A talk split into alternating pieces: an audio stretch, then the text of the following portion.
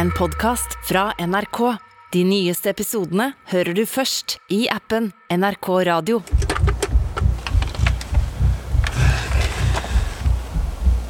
I en mørk skyttergrav på landsbygda i Ukraina ligger en soldat og sikter mot nabolandet Russland.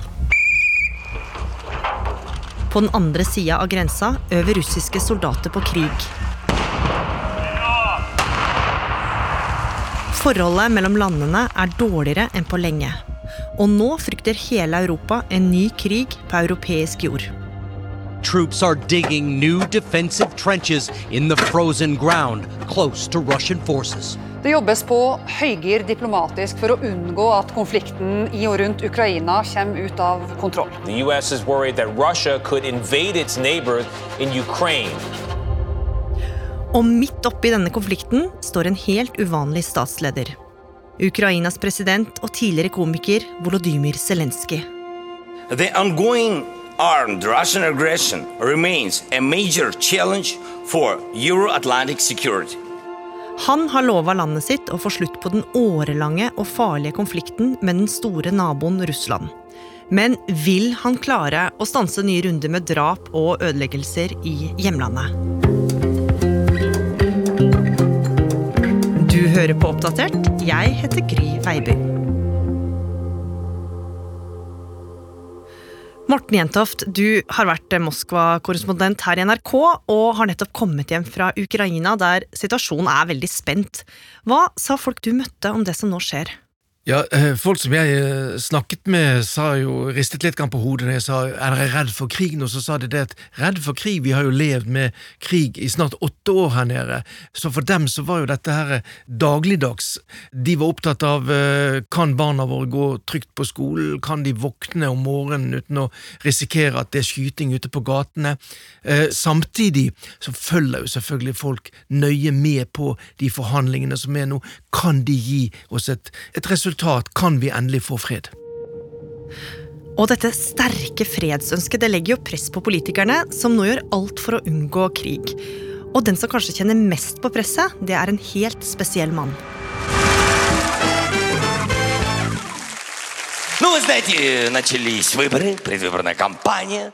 Året er 2013, og på en stor innendørs scene i Ukrainas hovedstad Kiev står en solbrun kjekk mann med mørkt, kort hår og publikum i sin hule hånd.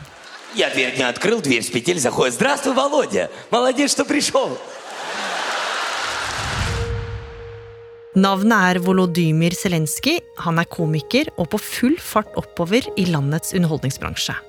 Ja, Zelenskyj blir fort en populær komiker, og på nettet kan du finne flust av sketsjer med han. Vegard Kjørom er journalist her i Oppdatert. I en populær sketsj er han livredd for å være passasjer når kona skal kjøre bil. Når hun tar tak i bilrattet, så tar han en sykkelhjelm på hodet og knytter fast alt han kan finne av setebelter. Og når hun tråkker på gassen, så ser han vettskremt ut.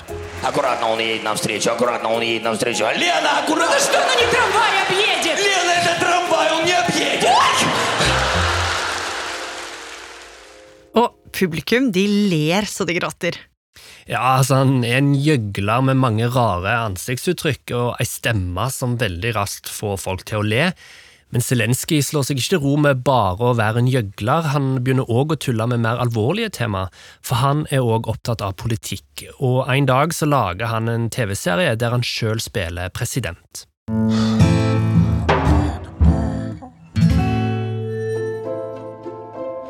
Serien starter med at Zelenskyj sin karakter er en helt vanlig historielærer. Denne læreren blir så filma av en elev mens han kommer med en ordentlig tirade om den korrupte politikken i Ukraina.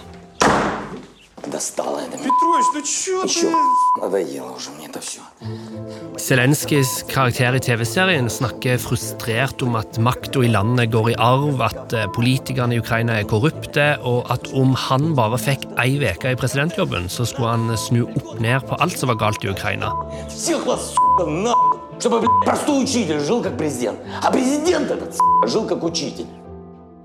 Og så er det jo selvsagt det som skjer i serien.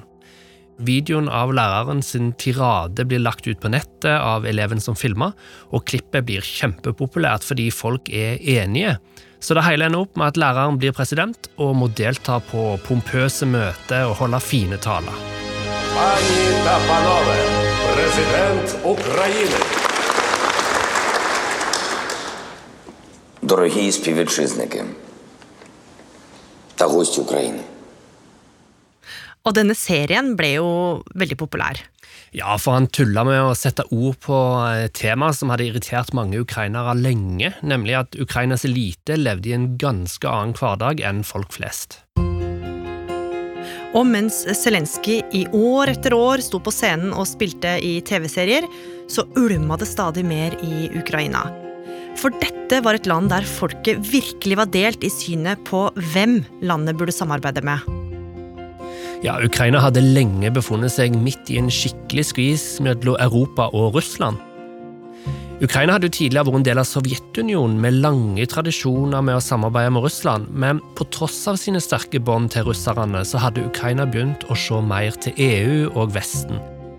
Og i 2013 så hadde de kommet langt i arbeidet med å få til en handelsavtale med EU. Dette var noe mange ukrainere støtta, og kanskje spesielt unge folk, for håpet var at denne handelsavtalen skulle bidra til god økonomisk utvikling, flere arbeidsplasser og kanskje, på sikt, et EU-medlemskap. Men så skjedde det noe som for alvor fikk det til å smelle. I Ukrainas hovedstad Kiev er det også i kveld store demonstrasjoner. Demonstrantene er misfornøyde med at myndighetene tidligere denne uka sa nei til en handelsavtale med EU. The political unrest in Ukraine continues as riots spread from the capital to nearly half the nation. Despite President Viktor Yanukovych's pledge to reshuffle his government today, the protesters declared they won't stop until he's out of office. At den sittende presidenten sa nei til en handelsavtale med EU og ødela sjansene for at Ukraina kunne komme tettere på Europa, det gjorde at EU-tilhengerne i landet blei rasende. Og mange tok til gatene for å protestere. Til slutt endte det hele med at presidenten måtte gå av. Og da kom det et skifte i Ukraina. For nå tok EU-vennlige politikere over makta, og man skulle kanskje tro da at ting ville roe seg. Men i stedet så bare fortsatte det. Ja, for i de delene av Ukraina der det bodde mange som støtta Russland, så var det mange som var sinte.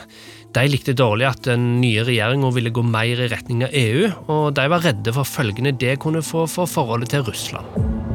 I flere ukrainske byer øst i landet blir det nå meldt om demonstrasjoner, sammenstøt og mange skadde.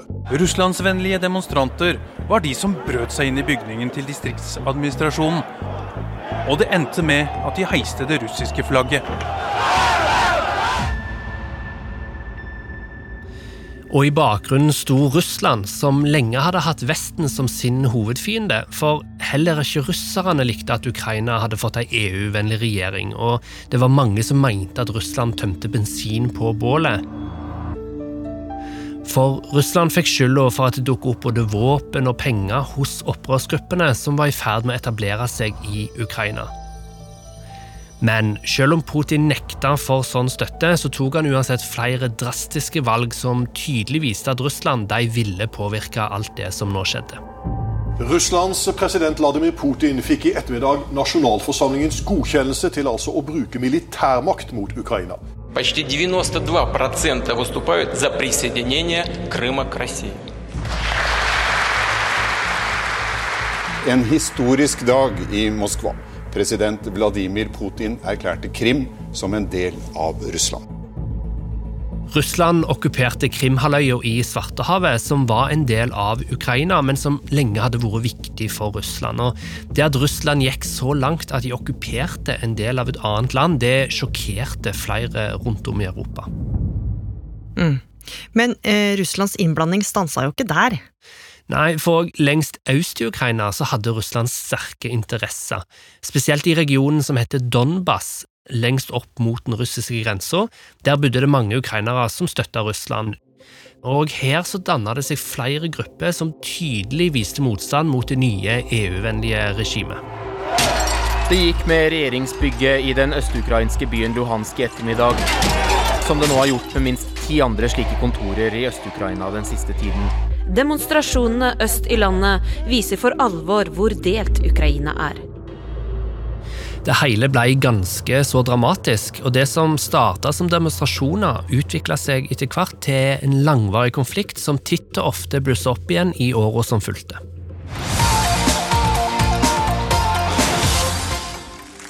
Добрый вечер. Og det var altså mens alt dette pågikk at eh, komikeren eh, Volodymyr Zelenskyj ble stadig mer populær. Og kveld etter kveld så opptrådte han foran eh, utsolgte saler. В Донецкой области был обнаружен сепаратистопровод, в котором по-пластунски передвигались нарушители. Og midt oppi denne mørke situasjonen så var det mulig for en komiker å spøke litt med landets situasjon og få folk til å le. Men for Zelenskyj så var ikke alt dette bare spøk. Han ville òg snakke om politikk på en mer alvorlig måte, for det var mye han ikke syntes fungerte bra i landet. Han ville ha slutt på korrupsjonen og de store forskjellene, og ikke minst, han ville få en slutt på konflikten med Putin.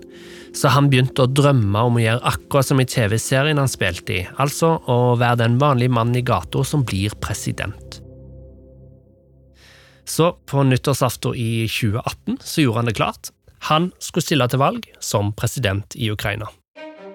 Så han kasta seg inn i valgkampen med omfattende kampanjer, og kjendisstatusen ga han masse ekstra oppmerksomhet. Og han hadde to helt klare budskap. Han ville få slutt på all korrupsjon i ukrainsk politikk, og han ville få avslutta konflikten med Russland en gang for alle. Mm. Og dette budskapet var det tydeligvis mange som likte godt. Ja, for han vant over flere erfarne politikere i den første valgrunden. Og da han skulle møte den sittende presidenten, Petro Porosjenko, i den andre og avgjørende valgrunden, så valgte Zelenskyj å slå på stortromma. I en velprodusert kampanjevideo så ser han inn i kamera, og med sin ganske så særegne mørke stemme så kommer han med et budskap som er direkte retta mot president Petro Porosjenko. Samtidig som han snakker, så er Zelenskyj i ferd med å gå inn på Ukrainas største stadion. Han sier at han utfordrer Porosjenko og vil møte presidenten til debatt Og stadionen skal fylles opp med tilhengerne deres. А з кандидатом в президенти України Володимиром Зеленським. Даю вам 24 години. Думайте. Вокальний колектив Міра. Дякую вам, дівчата. Så da den store dagen kom, så fylte det seg opp på den svære stadionen. Ute på gresset sto det en svær scene, og for den scenen skulle Zelenskyj forsøke å overbevise folk om å stemme på han. Дуже дякую! Всім привіт! Zelenskyj ser på president Porosjenko og spør han hvorfor et så fattig folk kan ha en så rik president. Og Han beskylder òg Porosjenko for å være altfor veik i møte med Putin. Etterpå så er det Zelenskyj sin tur til å bli utfordra. President Porosjenko peker til at Zelenskyj knapt har politisk erfaring, og han sier at Zelenskyj ikke er så uskyldig som han skal ha det til, og at det er rike, mektige folk som forsøker å ta makta i Ukraina ved å støtte den unge utfordreren. Hmm. Men på tross av sin manglende erfaring så traff komikeren en nerve hos ukrainerne. Ja, og det ble ekstra tydelig da valgdagen kom, for resultatet det var soleklart. Den ferske presidenten ser ut til å ha fått rent flertall i parlamentet. Han eh, vant med 73 av stemmene. Zelenskyj sier at han vil bekjempe korrupsjon. Han vil gjennomføre økonomiske reformer, forhandle med Russland om konflikten i Øst-Ukraina og fortsette tilnærmingen mot vestlige land. Men hva dette vil bety i praktisk politikk, det har han ikke forklart i detalj. Og nå håpa mange på endring i Ukraina. Flere europeiske ledere kom med gratulasjoner, for nå kunne det kanskje bli mulig å få til en restart og finne fredfulle løsninger med naboen i øst. Men etter valgseieren starta jo den virkelige jobben. Og nå lå det mye ansvar på den uerfarne presidenten, som knapt hadde fylt 40 år, og som hadde jo langt mer erfaring med tull og tøys enn med politikk og diplomati. Ja, og med den situasjonen Ukraina var oppi, så var det stort behov for både velsmurt diplomati og godt politisk håndverk. Zelenskyj hadde lova mye under valgkampen, og han hadde lagt lista veldig høyt for seg sjøl, så han starta med en gang å jobbe for å få til et møte med Russlands president Vladimir Putin. Så han ringte først Putin og ba Russland om å stanse opprørerne i Øst-Ukraina, og han la fram forslag til avtaler som de kanskje kunne bli enige om. Og Putin sa han var positiv. Ja, såpass optimist at han sa seg villig til å møte Zelenskyj ansikt til ansikt.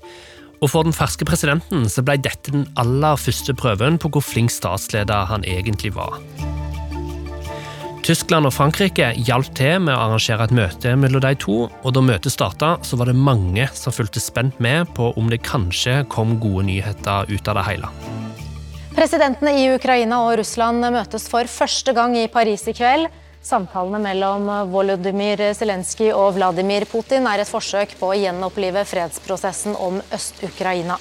Og Morten Jentoft, du står utenfor Élysée-palasset i Paris, og på innsiden så sitter de to statslederne sammen nå.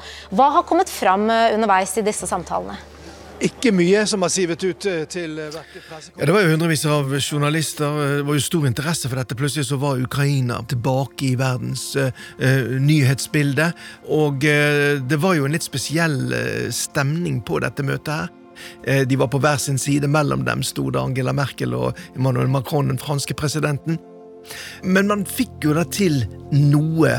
Så det var en viss optimisme å spore i Paris da i desember 2019. Og da møtet var slutt, så sa jo alle seg ganske så fornøyde, også Putin.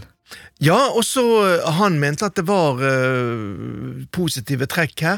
Og fra russisk side så hadde man jo visse forhåpninger til denne nye ukrainske presidenten Volodymyr Zelenskyj, som uh, jo kommer fra uh, den sørlige, østlige delen av Ukraina, er opprinnelig russisktalende.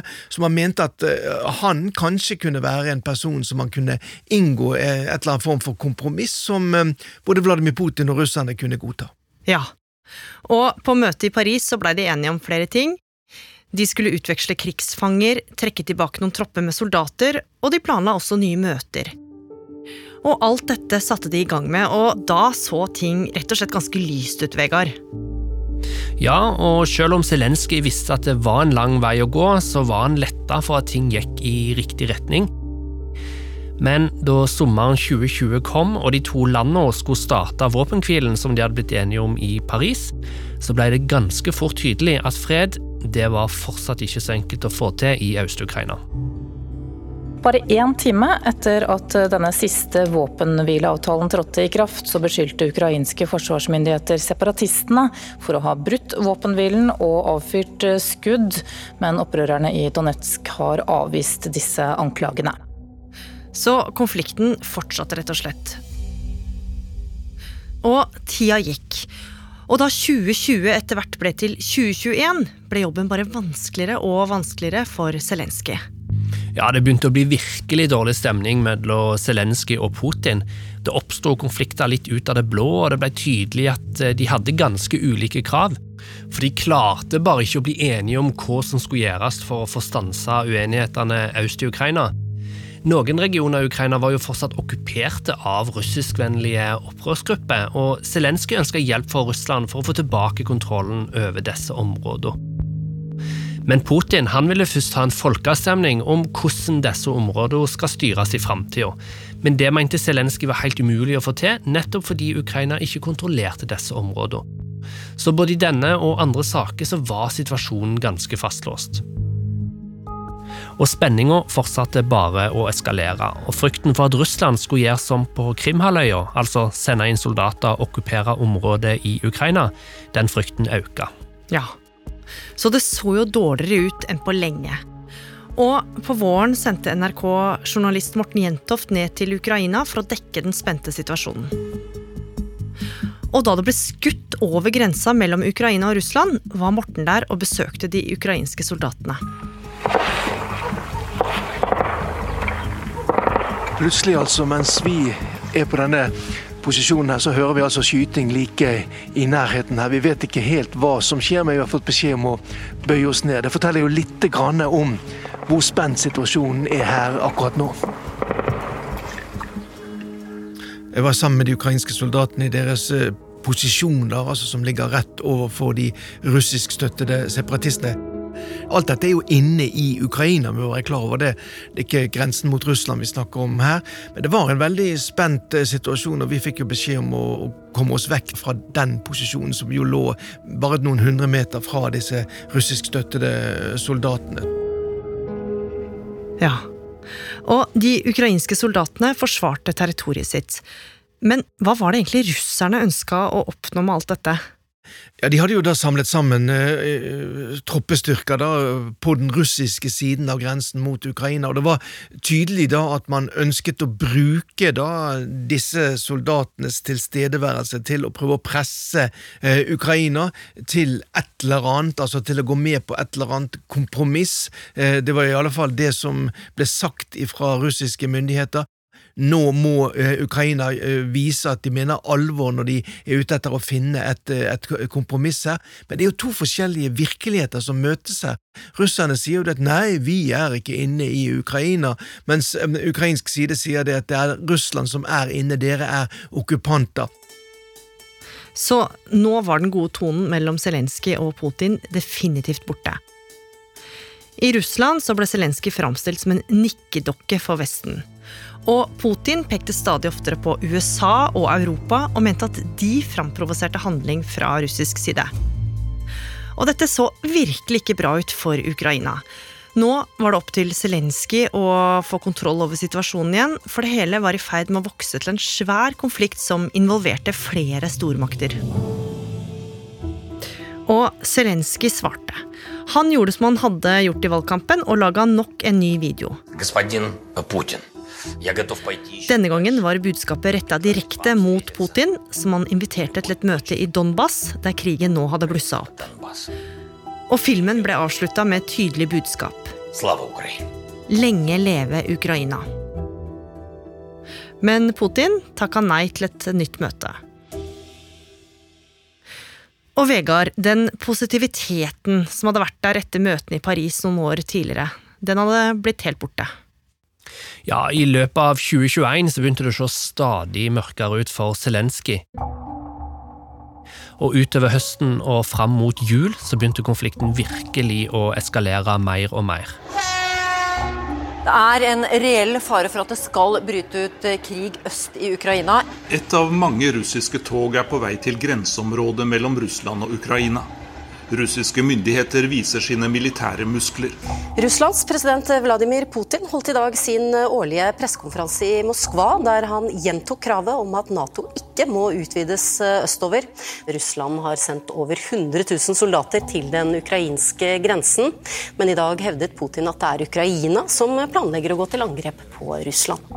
Og konflikten bare fortsatte å vokse. Nå sto 100 000 russiske soldater langs grensa og trua Ukraina. Men det stoppa ikke der. Ukraina ble utsatt for store og små hackerangrep, og Russlands president Putin kom med stadig verbale angrep på Zelenskyj.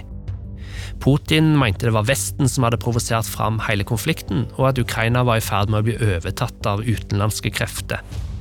Og hele denne situasjonen var nå så alvorlig at Jens Stoltenberg, lederen av den vestlige forsvarsalliansen Nato, så seg nødt til å si ordentlig ifra.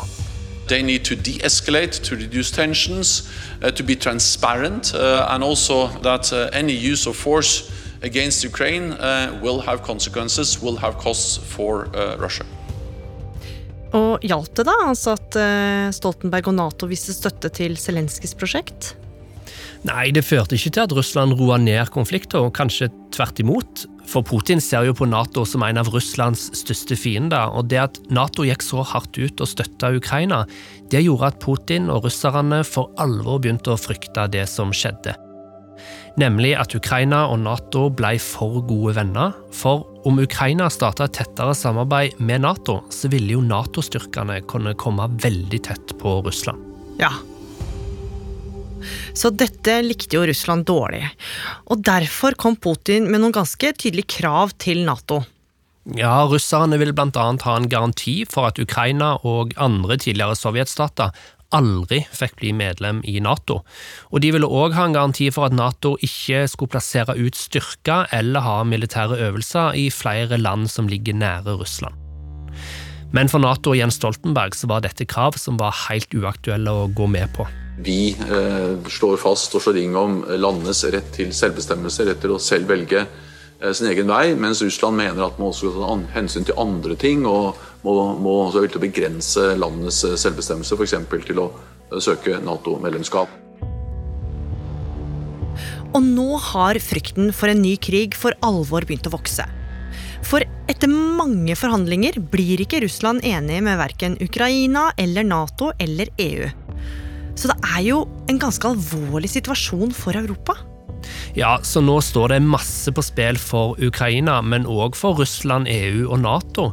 En prøver så godt en kan å unngå at det blir væpna kamper, men samtidig ser vi at det blir rusta opp på begge sider. Noe som tyder på at det er en reell frykt for at dette kan eksplodere. I Sverige har soldater blitt plassert ut på Gotland, altså denne øya som er i Østersjøen. Det gjør de fordi det nå er flere russiske krigsbåter i dette havområdet mellom Øst- og Vest-Europa. Og En del av NATO sine styrker har òg forberedt seg på at det kan smelle, så situasjonen er veldig spent, og EU truer med å straffe Russland økonomisk om de rykker inn i Ukraina. Men Vegard, hvorfor kan ikke Russland bare roe seg ned og si at de 100 000 soldatene skal dra hjem? Det kan være litt vanskelig å forstå hvor Russland vil. Kanskje er det fordi de vil sette makt bak kravene som de har lagt fram på forhandlingsbordet, som for eksempel at Ukraina aldri skal bli medlem i Nato. Og om russerne truer med soldater, så håper de kanskje at de kan oppnå mer ved forhandlingsbordet. Eller kanskje, og det er det som er den største frykten, så planlegger de faktisk å gå inn med styrker i Ukraina. Ok, så hva gjør Volodymyr Zelenskyj nå? I Ukraina er det en reell frykt for en russisk invasjon, og for Zelenskyj er jo dette helt krise. Da han tok over som president var det mange problemer i Ukraina, men det var i det minste lite væpna kamper akkurat da. Men nå kan altså ende opp med at han som skulle få til en varig fredsavtale, kan ende opp med å føre Ukraina inn i full væpna konflikt med Russland. Og til slutt, Morten Jentoft, du har akkurat vært i Ukraina. Og komikeren som blei president, står nå virkelig i en heftig situasjon. Hva tror du han tenker nå? Han tenker nok at det er veldig mange som er skuffet over meg, når jeg ikke har klart dette. Altså En person som fikk over 70% av stemmene, og veldig veldig mange stemte på ham fordi at eh, de trodde at han kunne være en, en kompromisskandidat som kanskje kunne få løst eh, denne konflikten her. Jeg snakket med folk nede i Ukraina nå. Eh, jeg trodde at man var mer misfornøyd med Zelenskyj enn det man var. Mange hadde likevel tillit til ham, at han er en person som holder det han, han lover. Han prøver å finne måter å få løst denne konflikten på, men dette er jo så komplisert, dette er så vanskelig, det er så mange ulike interesser. Dette er jo, er, er jo ikke lett, men eh, jeg tror nok at han prøver med lys og lykte å lete etter en løsning, sånn at han kan holde dette valgløftet fra 2019 om å få til fred.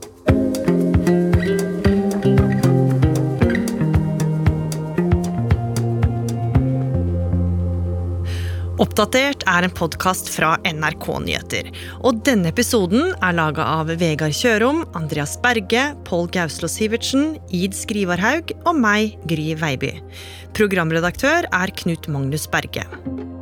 Du har hørt klipp fra Reuters, NBC, CBS, Nato, den ukrainske TV-kanalen One Plus One, Wall Street Journal, PBS og Euronews.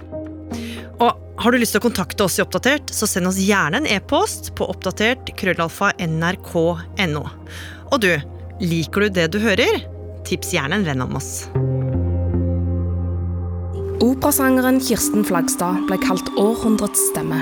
Verdensstjernen ble uthengt som nazisympatisør og forfulgt av den norske stat. Hun måtte kjempe seg tilbake med bare stemmen som våpen. Bli bedre kjent med historiens største personligheter i ny podkast. Mahatma Gandhi var advokaten som ble fredsapostel. Han førte en iherdig kamp mot rasisme og for et samla, uavhengig India. Coca Chanel var en kvinne som spilte med de kortene hun hadde for hånden. Hør historien om den fattige barnehjemsjenta som slo seg opp og ble en av verdens mest kjente moteskapere. Historiske kjendiser hører du først i appen NRK Radio.